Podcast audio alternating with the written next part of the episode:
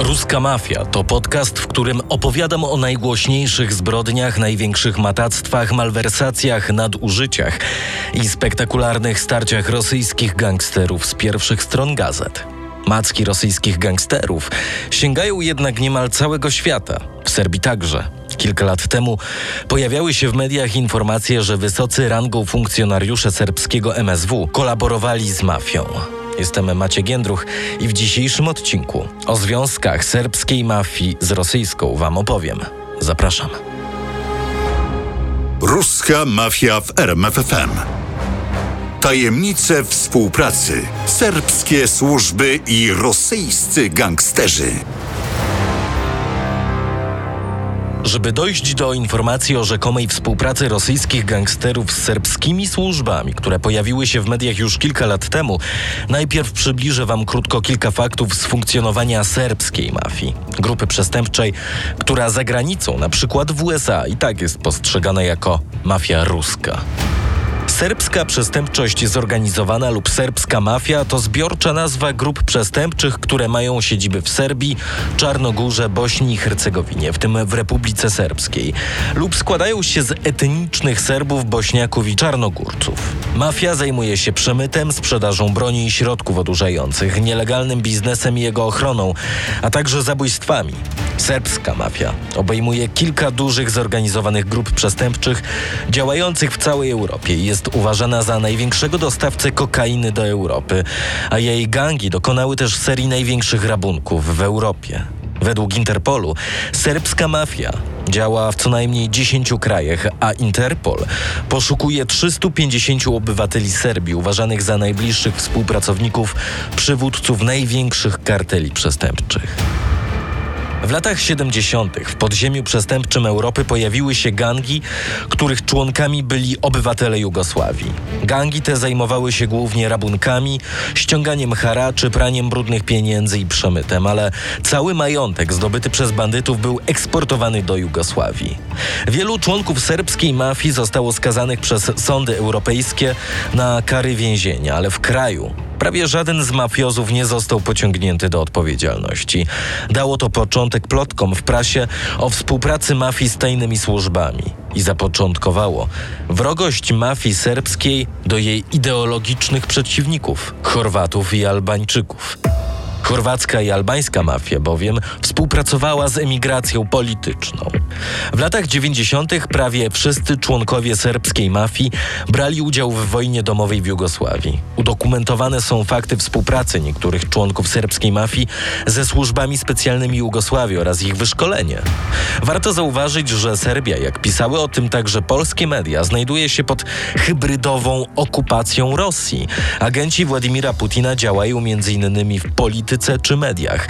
Ich celem, jak powiedział Czydomir Stajkowicz, adwokat walczący z rosyjskimi wpływami w Serbii aktywista, jest otworzenie w Europie kolejnego konfliktu mającego odwrócić uwagę Zachodu od Ukrainy. O tym, dlaczego Putin jest tak, powiedzmy, popularny w Serbii, opowiedział mi dr Tomasz Kwoka z Uniwersytetu Jagiellońskiego to troszkę jakby bardziej skomplikowana sytuacja, to znaczy ma to kilka przyczyn. Taka popularność Putina i e, miejsce Rosji w, e, w jakby przestrzeni publicznej w polityce Serbii. Tylko się uważać, że narody serbskie i rosyjskie są narodami bliskimi, braterskimi, jako dwa narody słowiańskie i prawosławne. I ten taki, można powiedzieć, zmitologizowany obraz Rosji, Rosjan i znaczenia e, Rosji w historii Serbii, znacznie przeceniany właściwie i zmitologizowany, był eksploatowany przez różnego rodzaju środowiska konserwatywne, naukowców i, i intelektualistów część na pewno serbskiej cerkwi prawosławnej w tym uczestniczyła, ale obecny stosunek Serbów i Serbii do Rosji jest przede wszystkim zasługą w cudzysłowie oczywiście propagandy i przedstawiania Rosji przez media reżimowe w Serbii, przede wszystkim przez tabloidy, które mają bardzo mocną pozycję na rynku prasy i są, można powiedzieć, ekstremalnie prorosyjskie. Te tabloidy są bardzo związane z reżimem i e, wyrażają pewno Y, opinię części rządzącej partii, rządzącej koalicji. Wróćmy do serbskiej mafii, ale w Rosji. Tam serbska mafia zajmowała się przemytem różnych towarów i importem narkotyków. W 2008 roku wszczęto postępowanie karne przeciwko obywatelom Serbii za nielegalny przewóz ponad 5 tysięcy ton rudy chromu z Uralu przez granicę. Przestępcy trzykrotnie przewieźli towar o wartości 830 tysięcy dolarów na podstawie fałszywych dokumentów. Wówczas Skarb Federacji Rosyjskiej stracił 2 miliony rubli, których przestępcy nie zapłacili w postaci ceł i innych opłat. W 2014 roku niejaki Iwan Sawkić został poddany ekstradycji z Ekwadoru do Rosji. Na statkach transatlantyckich w skrzyniach z bananami przemycał kokainę do Petersburga. Sawkić został wpisany na międzynarodową listę poszukiwanych w grudniu 2012 roku i zaledwie półtora roku później stanął przed rosyjskim wymiarem sprawiedliwości. Po raz pierwszy narkotyki wykryto w listopadzie 2011 roku na statku pływającym pod banderą Bahamów. Kurierami okazało się dwóch obywateli Ukrainy. W sprawie aresztowano również dwóch serbskich przestępców, Bogdana Ostojna i Nikola Koricia, wspólników Sawkicia, którzy spędzili później cztery lata w kolonii o zaostrzonym rygorze. Sawkić sam przyznał się do winy i współpracował przy śledztwie. Sąd skazał go na 6 lat odsiadki. W 2000 roku Żeliko Rożnatowicz został postrzelony przez zamachowca w lobby hotelu Intercontinental w Belgradzie. Poważnie rannego przywódcę Tygrysów, czyli serbskiej straży ochotniczej, żona przywiozła do szpitala, gdzie zmarł półtorej godziny później po nieudanej próbie resuscytacji. Do dziś nie są znane motywy działania sprawców oraz domniemanych zleceniodawców zabójstwa. Istnieje na ten temat kilka hipotez, w tym udział mafii. W październiku tego samego roku rewolucja buldożerów doprowadziła do obalenia Slobodana Miloszewicza.